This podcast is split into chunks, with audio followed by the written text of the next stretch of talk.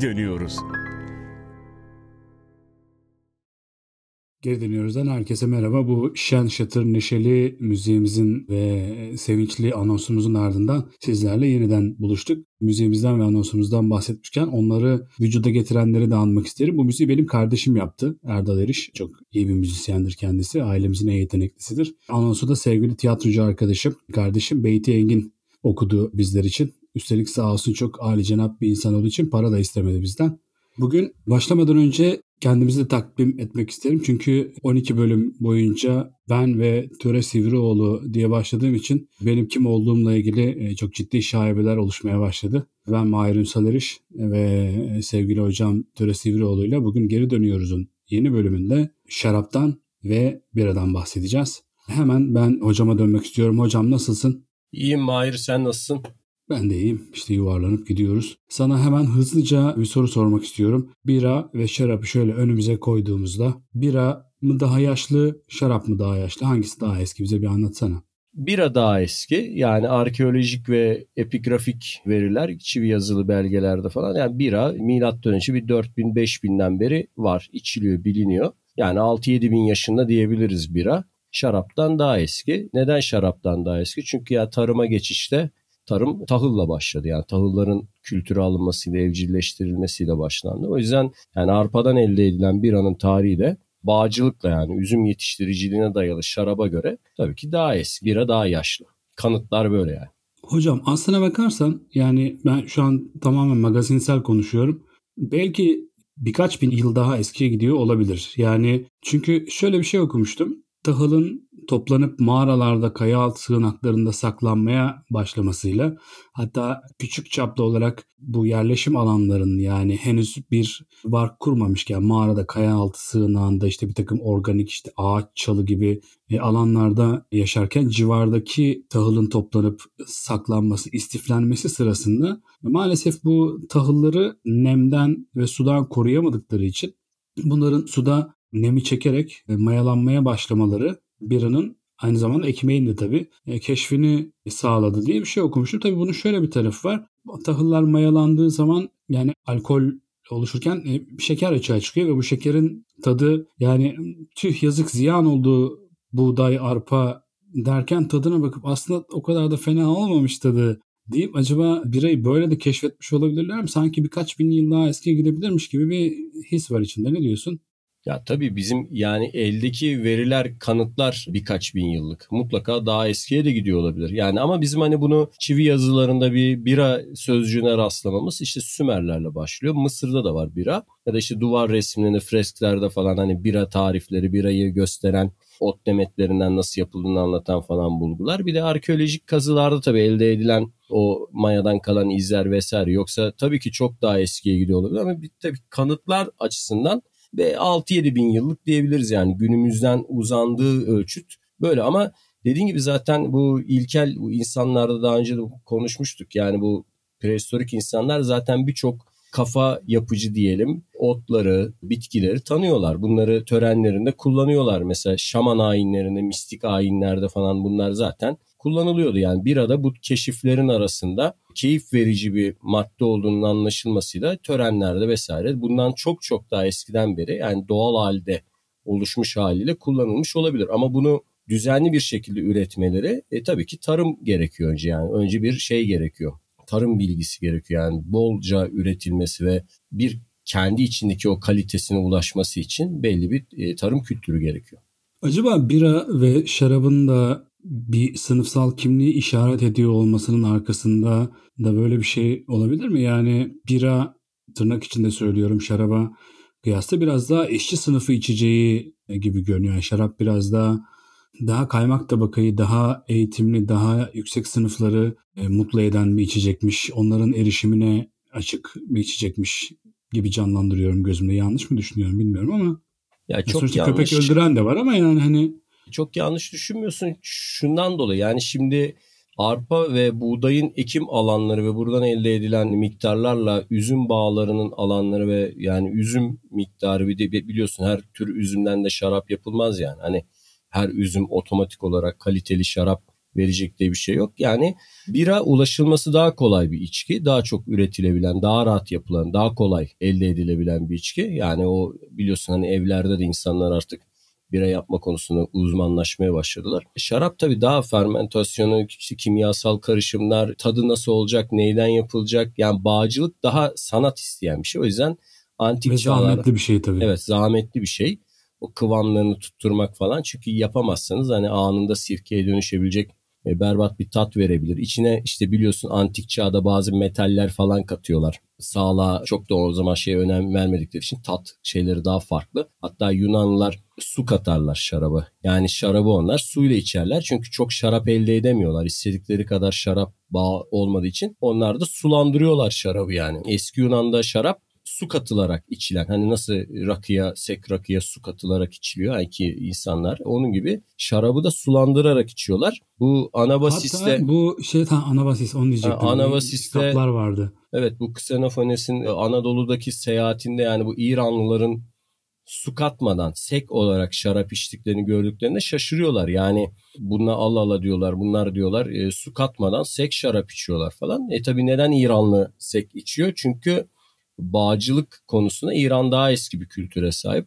İran'da hani Şiraz'ın şarapları falan orta çağlarda da meşhurdu ya yakın zamanlara kadar İran'da. E, şarap kalitesi olağanüstü şeydi yüksekti ve onlarda daha çok üzüm bağı olduğu için ve şarap konusunda daha ileri oldukları için onlar su katma gereği duymuyorlar. Ama Yunanistan daha fakir coğrafya açıdan bir ülke olduğu için o şeyler su katarak içmek zorunda kalmışlar. Yani şaraba ulaşmak zor olduğu gibi kaliteli şaraba ulaşmak daha da zor bir şey. O yüzden dediğin doğru yani birayla şarabı yan yana getirdiğimiz zaman e, şarap daha böyle tanrıların içkisi gibi. Bira daha böyle köylülerin ve kırsal insanın içkisi gibi. Yani şu an dünya haritasına dönüp baktığım zaman zaten biranın şaraba galeve çaldığı ülkeleri şöyle harita üstünde gördüğüm zaman genellikle sanayi devrimi, aydınlanma falan gibi konularda başka benzerlerine fark atmış ülkelerde daha biranın daha önde olduğunu görüyorum ama imparatorluk geçmişi olan topluluklarda şarabın daha yaygın olduğunu gözlemliyorum. Tabii bir vehme mi kapılıyorum bilmiyorum ama yani kuzeyde bira ne kadar yaygınsa güneyde yani Avrupa üzerinde konuşuyorum. E, şarap daha yaygın e, gibi hissediyorum. Bunun tabii farklı nedenleri var. Mesela e, şimdi bu konuya yabancı olan kişiler insanların sarhoş olmak için ya da keyif için içki içtiklerini falan düşünebilirler ama antik çağda şarap kalori kaynağı aynı zamanda. Mecburen her sofrada olan hatta kahvaltıda, akşam yemeğinde falan da içilen yani sürekli içilen çünkü yani meyve konusunda biraz fakirler. Günümüzdeki gibi enerji kaynakları yok. Mesela şeker çok az bulunan bir şey biliyorsun. Hani dünyada işte şeker kamışı ve şeker pancarı. Şeker kamışı zaten bildiğim kadarıyla Amerika'dan geldi. Yani bizim şeker kamışıyla tanışmamız bu Akdeniz coğrafyasında çok geç. Ondan önce şeker pancarı vardı ve şeker pancarının şekeri yani şeker kamışı kadar tabii şey değil. O yüzden şeker büyük bir eksiklikti. Kalori eksikliği çok fazlaydı. O yüzden yani şarap sofranın içinde şarabın aldığı rolün önemli bir kısmı aslında kalori eksikliğini tamamlamaktı. Yani bu Hocam bunu şeye benzetebilir miyiz? Yani örneğin domateslerimiz, biberlerimiz daha uzun saklayabilmek için onları salça yapıyoruz. İşte ne bileyim sebzeleri daha uzun koruyabilmek için turşu yapıyoruz. İşte meyveleri korumak için şarap yapmışız. İşte tahılları koruyabilmek için bira yapmışız, boza yapmışız neyse artık o onun adı. Biraz böyle bir niyetle yapılmış olabilir mi şarap ve bira? e, tabii bu Ya bunun yanında tabii ki keyif verici yanı da var tabii. Yani işte o da var ama o da var. Yani bu bozulmayı engelleyici olanaklar kısıtlı olduğu için ve kalori ihtiyacı olduğu için yani şarabı çok kullanmış. Yani sarhoşluktan öte bir amaç var orada. Ee, ama tabii şarabın seramik kaplar üzerine baktığımız zaman hani o Kilix falan kraterleri şeyleri hatırlarsın yani okuldan. Zaten Aa, iç- hocam bir unutabilsem onları. yani evet kabuslarımız. O şarap içilen kaplar da bir farklıdır zaten. Bira içilen kaplardan yani bira içilen bardak bugün bile öyle. Yani senin dediğin gibi o işte e, Kuzey Avrupa'da özellikle sanayileşme sonrası o pubların açılması vesaire. Ya tabii orta çağa kadar iniyor onların kökleri de. Neticede hani bira e, basit kaplarla bardaklarla içilen bir içkiyken ki bugün de öyleyken kabadır yani bira Ve, bardak. ve daha büyük hacimli kaplar hocam. Evet. Yani daha böyle kabadır. Hatta o böyle tokuşturulurken bile bira şişeleri hani böyle bir karşılıklı bir meydan okuma gibi böyle bir bira şişesi tokuştururken bile o şeyini ele verir. Hani işçi sınıfı ya da köylü sınıfı kökenli bir içki olduğunu ama tabii şarap kadehi biliyorsun o tutulurken onun tutmasının bir işte parmak serçe parmak şurada olacak baş parmaklar burada olacak. Şarap kadehinin kendisi tamamen doldurulmayacak hani bira nasıldır mesela hani böyle taşıyacak böyle bardaktan köpükleri müpükleri aşağıya falan dökülecek. Bira öyledir yani ama şarap... Hocam canımızı çektiriyorsun ama. Yok canım efendim biz tarihi şeylerden bahsediyoruz. Geleneklerden bahsediyoruz. Yoksa şarap nasıl olacak? Hani taşmayacak. Hatta bardağın yarısı falan doldurulur. Hani şöyle bir çevireceksin onu falan. Öyle ağzına kadar şarap doldurulmaz. Hani o görgü usulü olarak şarap bardağı yarım doldurulur falan. O içiş, tutuş, bardakların kullanılma tarzında bile o senin dediğin hani aristokratik tavırla hani e, halk tavrı arasındaki fark kendini ele veriyor açıkçası. Biraz da bu iki içkinin kültürel dünyasına ve yani kültürel dünyamıza olan etkilerine bakacak olursak ben mesela öğrencilik zamanından işte Sümer metinlerinde, Akad hatta işte Asur, Hitit metinlerinde biranın sık sık anıldığını biliyorum ama yani gündelik yaşamdan bir takım atıflarla biranın adının geçtiğini biliyorum ama birayı sanki böyle bir bir şölen içeceği gibi değil de e, daha çok gündelik hayatın içinde bir ne bileyim ekmek gibi, işte peynir gibi, işte az önce söylediğim gibi turşu gibi, salça gibi yani öğünün tamamlayıcı öğelerinden biri olarak geçiyor. Ama örneğin şarap söz konusu olduğunda şarabın metinlere girdiği her yerde şarap kendisine bir hürmet mesafesi bırakıyor ve bir saygı bekliyor. Yani hep, şarap hep böyle bir hürmetle bir saygıyla anıyoruz biranın kültürel dünyasını yani hem geçmişte hem bugün de ve şarabın kültürel dünyasını biraz konuşalım istiyorum. Şimdi bira da e, şarap gibi aslında hani köylülerin güçlenmesi için de içilen bir içki. Yani o da böyle sadece işte sarhoş olalım falan diye değil. E, o eski Mısır papürüslerine falan şey var yani oradaki işçilere işte bira verildi, dağıtıldı. Yani çünkü enerjileri için. Çünkü damıtılmış bir şey. Yani aslında tıbbi olarak Belki hani herkes bilmiyor olabilir ama süt konusuna çok süt yapıcı bir içkidir. Anne sütü eksikliği yaşayan kadınlar yani antik çağlarda e, bira içerek şey sağlıyorlardı. Çünkü hani 3-4 tabak bulgur yiyeceğine hani yarım bardak bira aynı şeyi veriyordu. Yani dediğin gibi korunması, saklanması ve enerjinin sağlanması için içiliyordu. Yani ağır çalışan gruplar özellikle bu hızlı bir şekilde bu kaybettikleri enerjiyi bir de sıcakta o madde kaybediyorsun, tuz kaybediyorsun ya onları da sağlayan bir içecek olarak görülüyordu. Yani kutsallıktan çok biraz günlük çalışma yorgunluğunu atma içkisi gibi düşünebiliriz. Ama tabii şarap ise biraz daha özel toplantıların, daha dini ritüellerin bir de onun rengi falan da önemli yani. Hani neticede biranın rengi konusunda neyse yorum yapmayayım. Ee, ama mesela şarap, şarabın rengi yani insana hani kırmızıyı, kanı, gücü, hayatı, Canlılığı. yaşamı, evet yaşamı çağrıştırır. O yüzden şarabın görüntüsü de daha kutsidir yani biraya göre. Hatta şöyle Hocam, bir ekleme de yapayım. Şarabın gazabından kork çünkü evet. fena kırmızıdır evet. diyor Atilla İlhan biliyorsun. Hatta şarap kelimesiyle kan kelimesi biliyorsun hani sen daha iyi bilirsin o bazı dillerde yakın akraba, yakın birbirine andıran şeyleri var. Mesela dem deriz değil mi? Hani böyle bir hı hı, böyle bir hı. sözcük var. Şimdi bazı tanrılar da zaman içerisinde bira tanrısıyken şarap tanrısına dönüşmüş. Mesela biz hani o Dionysos'la ilgili çalışırken hatırlıyorum. Yani Dionysos'un daha kökensel tanrıları Sabazios mesela o bira tanrısı daha böyle Frigya'da falan kırsal Anadolu'da tapınılan bir tanrı ve Trakya'da. Trakya kırsalında ve e, Frigya kırsalında yani ta, tahıl eken, tahıl tarımı yapılan bölgelerde bira tanrısıymış bu Sabazios. Fakat daha sonra kıyıya gittikçe yani Ege adaları, Girit, Akdeniz tanrısına dönüştükçe yani Dionysos adını alınca eskiden bira tanrısıyken sonradan şarap tanrısı oluyor mesela. Sınıf atlıyor yani öyle de diyebilirim. Yani biz neden bahsetsek konu bir şekilde gelip e, tarımsal artı değer birikiminin yönetilmesi, dağıtılması ve tüketilmesi meselesine geliyor. Yani tarım ya da işte bu neolitik devrim dediğimiz şey yani hakikaten insanlığın tarihini bu kadar değiştiren bir şey mi? Yani büyük radikal değişim hatta e, şöyle şu aklıma geldi bu Conan'ın bir bölümünde şarap tükeniyordu. Askerlere artık şarap veremiyorlardı. Bira vermek zorunda kalıyorlardı. Bundan dolayı isyan çıkıyordu. Bu antik çağda böyle yani. Bazı bu paralı askerler falan şarap yerine bira verildiği zaman falan hani bunu bir şey olarak görüyorlar. Hani kendilerinin kandırıldığına dair. Yani o yüzden tarımda da şöyle düşünebilirsin. Yani tahıl tarımından daha uzmanlık isteyen tarımlara doğru bir geçiş. Yani biradan şaraba sıçrama var. Tarım içinde de tarım devrimleri var. Hı hı. Yani şimdi pamuk tarımıyla e, buğday tarımı aynı şey değil. Yani ya bunlar, da pirinç. Tabii pirinç tabii çok daha büyük bir emek isteyen. Onların da biliyorsun şarapları var. Pirincin falan da kendine özgü.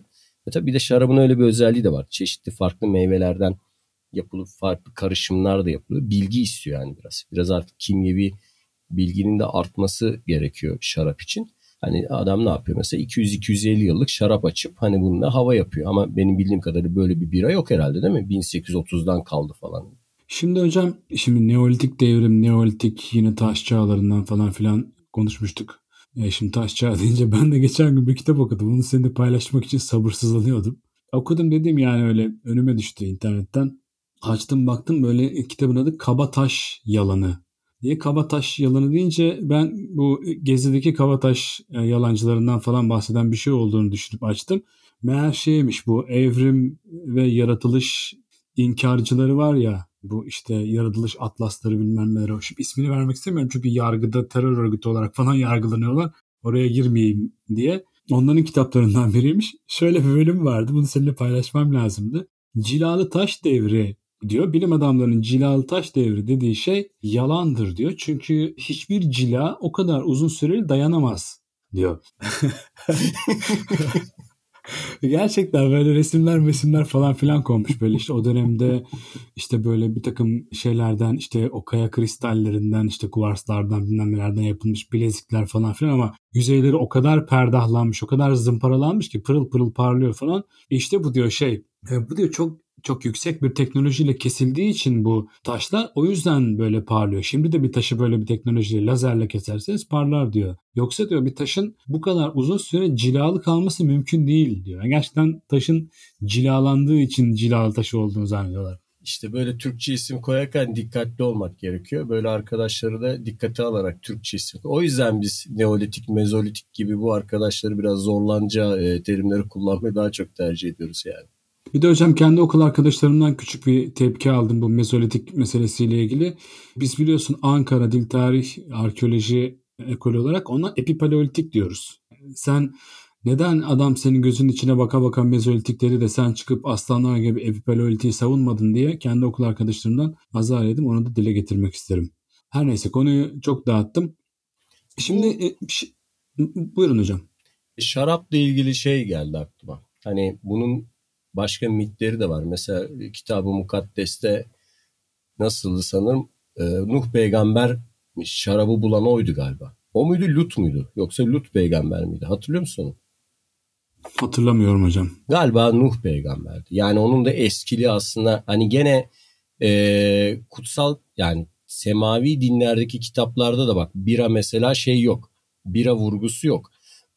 Sen de konuşurken hatırlıyorum bunları. Şimdi Mesela Kur'an'da işte Tevrat'ta hiç bira ile ilgili yani bira var biranın olduğunu biliyorlar ama bira ile ilgili hiçbir gönderme yok ama mesela Tevrat'ta şarapla ilgili göndermeler var. Kur'an'da bile yani o işte cennette Kevser ırmakları, şarap ırmakları gibi göndermeler var. Yani şarap burada e, enteresan bir şekilde e, semavi inançlarda da hani bir şekilde kendini e, ayrı bir yere koymayı başarmış. Yani onların e, şeylerine, jargonlarına da girmeyi başarmış. Hatta Mesela bizim divan şiirimiz. Düşünsene hani neredeyse divan şiirinde simgesel ya da gerçek anlamıyla e, şaraptan söz etmeyen e, şey yok, şair yok. Ama mesela bira yok yani şiirlerde. Bu da ilginç bence. Hocam bir de aslında etimolojik olarak şöyle bir tarafı da var. Bilmem bu senin dikkatini de çekiyor mu? Şarap sözcüğüne biz şarap diyoruz ama şarap sözcüğü aslında Arapça şerebe fiilinden e, türetilmiş bir sözcüktür ve şerebe içmek fiilidir Arapçada. Şurup yani gibi. şurup gibi, maşrapa gibi efendime söyleyeyim işte başka ne var böyle? Ee, şerbet gibi işte birçok kelime bu kökten geliyor. Aslında şarap başlı başına içecek demek Arapçada.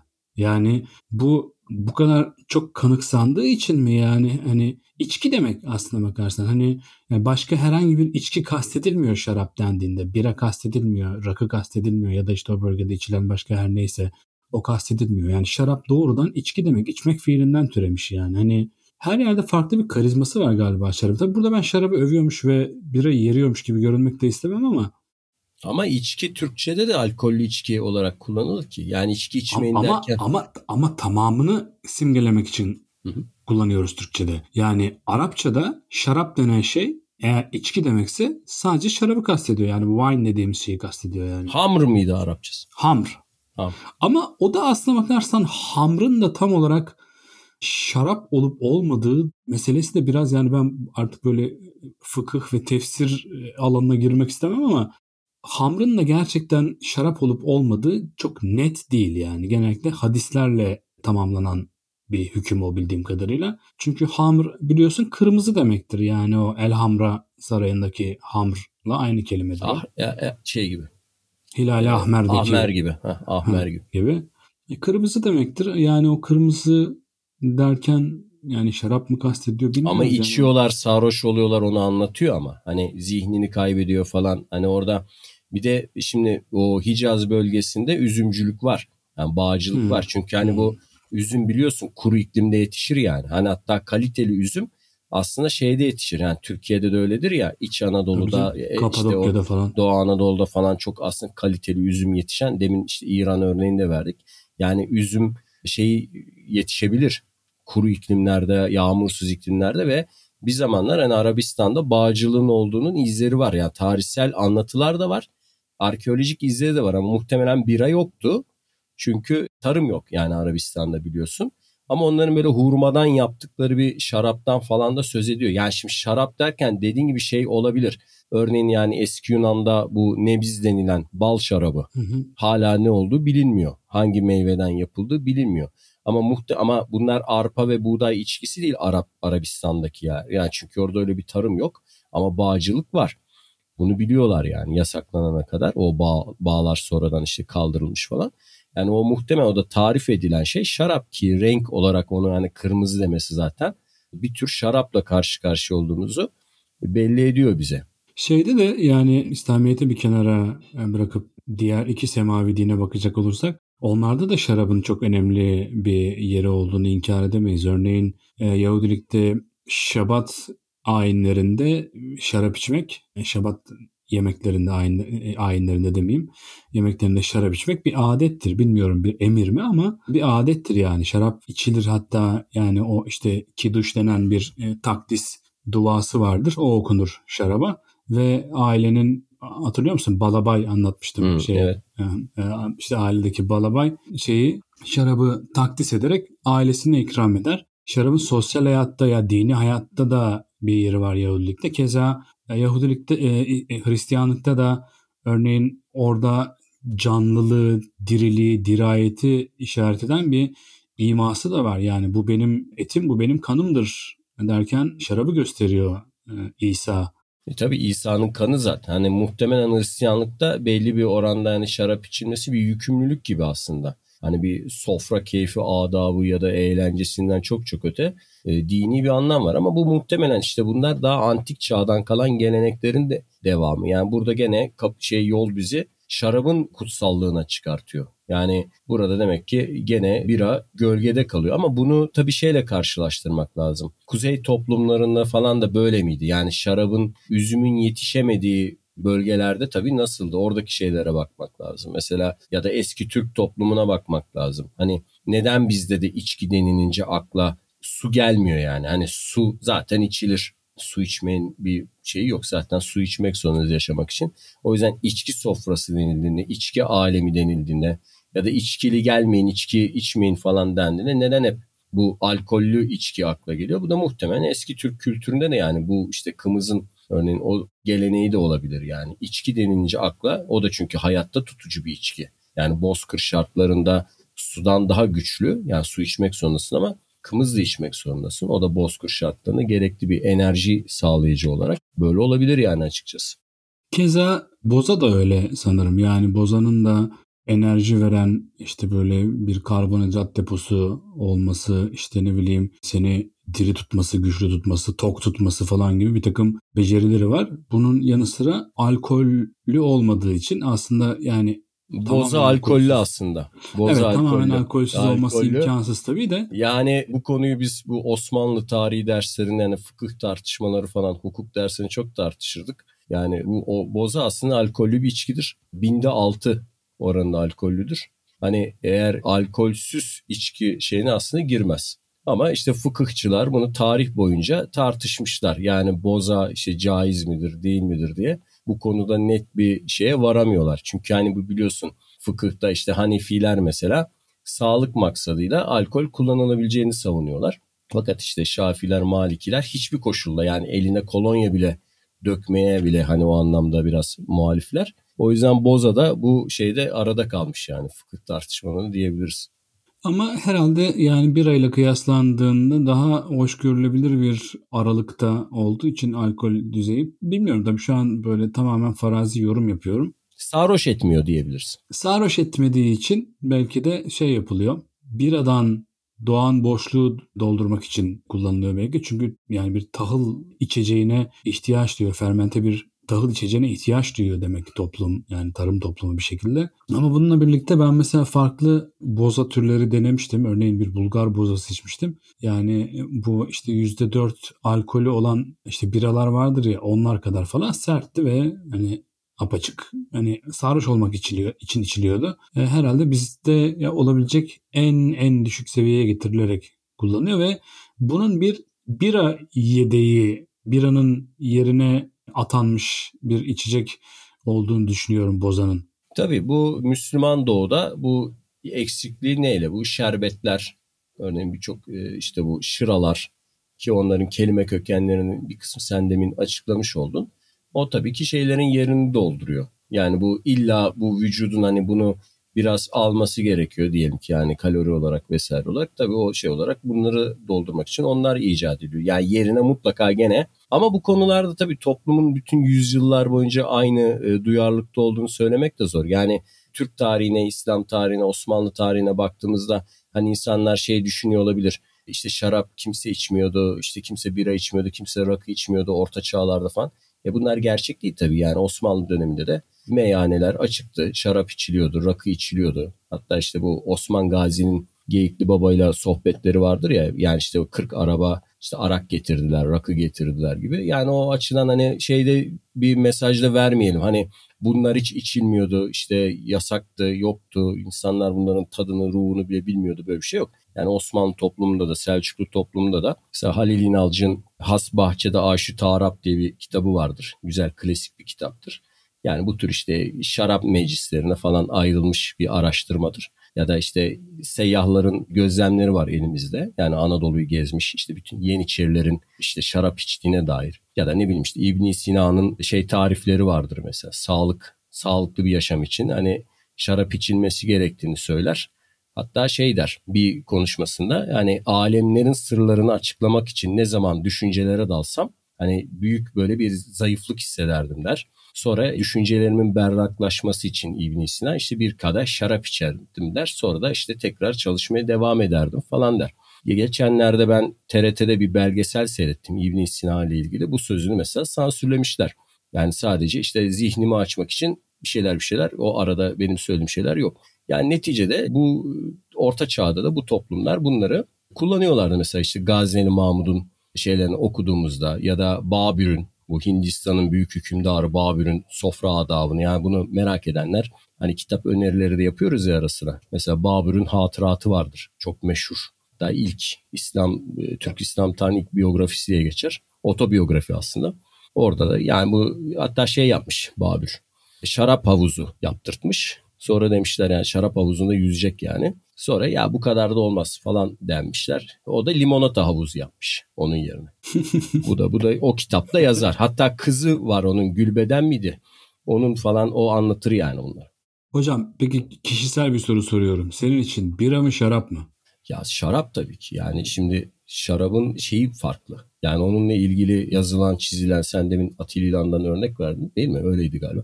Hı hı. Yanlış hatırlamıyorsam. Ya onun kültürel yansıması tabii ki yani. O biradan çok farklı bir şey.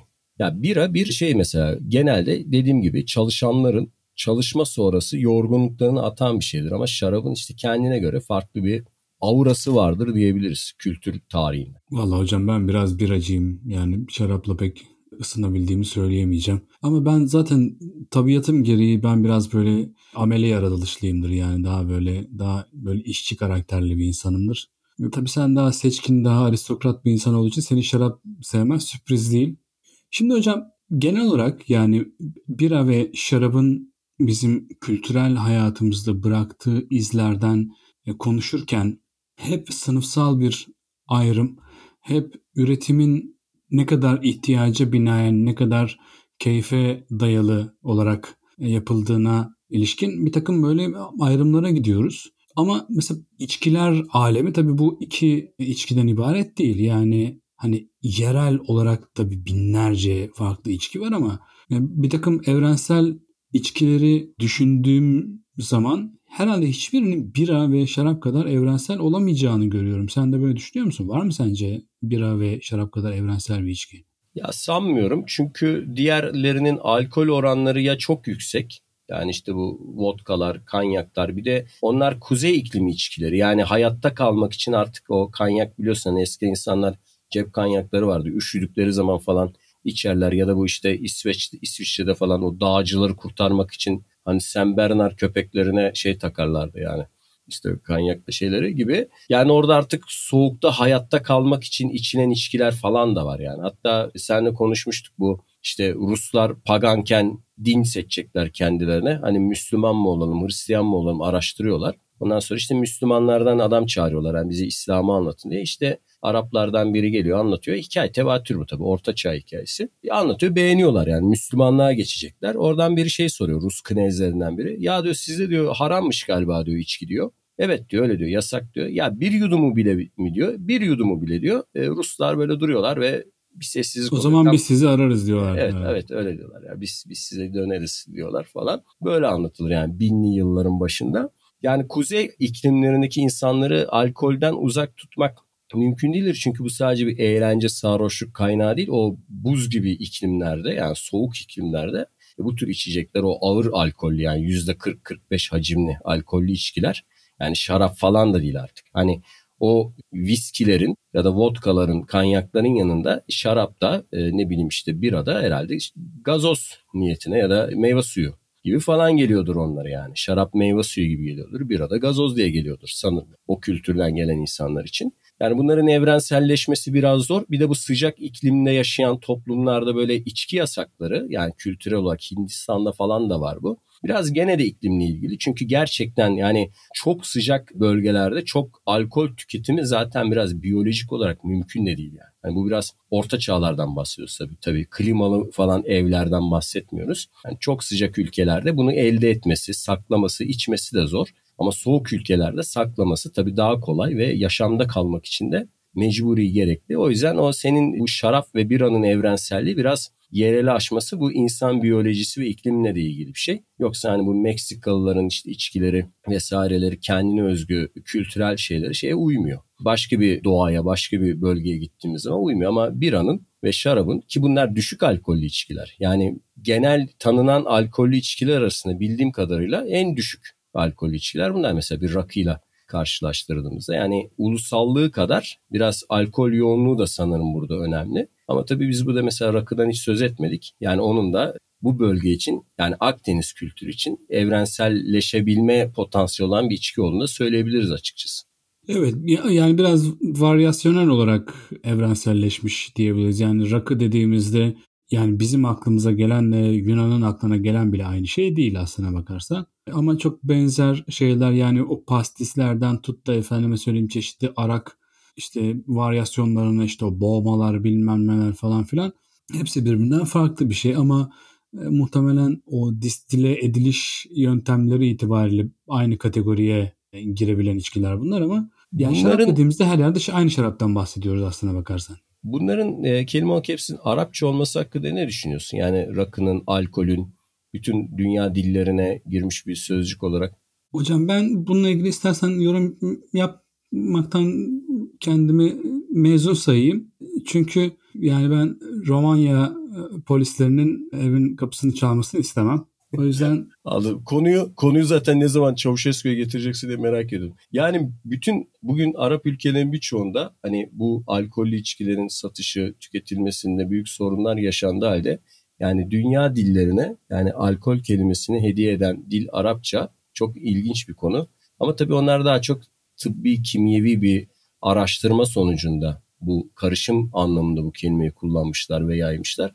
Ama sadece böyle de diyemeyiz. Şeylerin de hakkını yemeyelim. Ortaçağ Arap şiirinde de yani Abbasi şiirinde özellikle şarap çok çok merkezi bir yerde. Yani çok saygın bir yerde kentli olmanın, medeni olmanın, hani şehirli olmanın, bedevilikten uzaklaşmanın ölçütlerinden biri. Yani bir şarap içilen bir sofrada oturmak. Mesela Ebu Nuvas'ın şiirleri var. Hani şarap bize diyor Kisraların, İran krallarının altın ve gümüş kadehleriyle sunuluyordu falan diye. Yani şarap içmeyi nasıl yansıtmış Arap şairler orta çağda? Ben diyor çölde diyor deve sütü içen bedevi gibi olamam diyor. Benim önümde mutlaka diyor bir şarap kasesi kadehi olacak diyor ve yani mutlaka da gümüşten altından olacak yani. Öyle keramikten şarap kupası kabı da istemiyorlar. Yani bu şarabın şiirdeki ve edebiyattaki gücü ortaçağ Arap şiirinde de kendini hissettiriyor diye burada bir ekleme de yapayım. Yani genel olarak şarabın bir kültürel kimlik, bir kültürel aidiyeti işaret ettiğini her çağda inkar edemeyiz sanırım. Yani bir da o kadar iddialı olmasa da onun da bir kültürel kimliği işaret ettiğini kabul edebiliriz ama şarap herhalde her zaman e, çağlar boyunca yani üzüm insan oğlu, insan evladı e, üzüm yetiştirebildiği sürece tarihteki bu karizmatik pozisyonu e, koruyacakmış gibi hissediyorum. Bize kitap önermek ister misin? Bu alanlarla ilgili. Ya bu şarabın kültürel tarihi de bir kitap vardı. Sanırım Friedel'in miydi? Egon Friedel'in falan olması lazımdı. Onun ya da Victor Hen'in bir kitabı vardı galiba. Üzüm, incir ve işte e, bunların şeylerini anlatan bu tür kitaplar olabilir. Yani çok uzun zaman okuduğum için böyle şey şey hatırlıyorum. Hocam ben hatırlıyorum söylediğin kitapları. Bunlar Dost Kitabevi yayınlarından çıkmış bir takım böyle kültür tarihi kitaplarıydı. Her biri de çok güzel kitaplardı. Hadsizlik olmazsa ben de bir kitap eklemek isterim bu senin listene. Altı Bardakta Dünya Tarihi diye bir kitap var hocam. Okumuş muydun hatırlamıyorum ama ben bir 10-15 sene önce falan okumuştum. Altı bardak derken işte şeyle başlayıp birayla başlayıp en son Coca-Cola ile biten bir dünya tarihi kitabı. Yazarın adını da okuyorum buradan. Tom Standage. Altı bardakta dünya tarihi. Ee, çok güzel, çok okuması da keyifli, çok eğlenceli bir kitap. Eğer sen de okumadıysan bir yerlerde denk geldiğinde kaçırma derim. Yani her döneme damgasını vuran bir içkiyle ilgili sanırım. Hani Mısır, Mezopotamya'da bira, işte antik Roma ve Yunan'da şarap diye başlayıp herhalde öyle devam ediyor. Evet evet. Sonra işte bu İngiliz İmparatorluğu zamanında viski falan filan gibi böyle bir takım şeyler var yani. Bir takım böyle işte çağları ayırmış ve her biri için bir içki Tabii atamış. bak şimdi aklıma geldi. Rom mesela. Yani denizcilerin içkisi. Neden içiyorlar bunlar sürekli? Çünkü iskorbit hastalığı vardı. Hani o taze meyve sebze yiyememeden aylarca denizde kaldıkları için, temiz su içemedikleri için hızlı bir şekilde biliyorsun hani ölüyorlar. Dişleri falan dökülüyor vitaminsizlikten. Onu takviye etmek için mesela hep rom içerler. O yeni çağ, keşifler çağında e, denizciler. Yani bu içki olayına şey gözle bakanlar bunları da göz önüne alsalar iyi olur. Yani bu sadece bir eğlence ya da sadece işte bir işte kötü bir imajla yaklaşanlar bunlar e, bir denizci denize açıldığında mutlaka rom fıçıları yanında olurdu yoksa zaten hayatta kalamazdı. Yani o enerjiyi ve vitamin şeyini tedarik edemezdi yani. Hocam süremizin sonuna geldik ama muhtemelen dinleyiciler bu kadar şaraptan bahsedip hayyamdan hiç bahsetmemiş olduğumuz için bize kırılacaklar. Onu da başka bir bahse bırakalım. Belki önümüzdeki bölümlerden bir ya da birkaçında İran'dan bahsedeceğiz biraz. Belki e, Hayyam'ı daha çok Türkiye'de tanınan şarapçı kişiliğinin ötesinde biraz da e, riyaziyeci ve e, nücumiyeci e, kişiliği üzerinden konuşurken belki şarapçılığından da bahsederiz. Ben sana yeniden teşekkür ederim hocam. E, seni tanımak bir zevkti. Seninle sohbet etmek e, bir zevkti. Her zaman öyle oldu. Bizi yine e, nurlarınla aydınlığa boğdun. Senin söylemek istediğin bir şey var mı? Ben de bizi dinleyen herkese buradan selamlarımı iletiyorum. Sözü tekrar sana bırakıyorum. O zaman ben de süper yetenekli kardeşimin yaptığı müziğe bırakıyorum dinleyenleri. Hoşçakalın.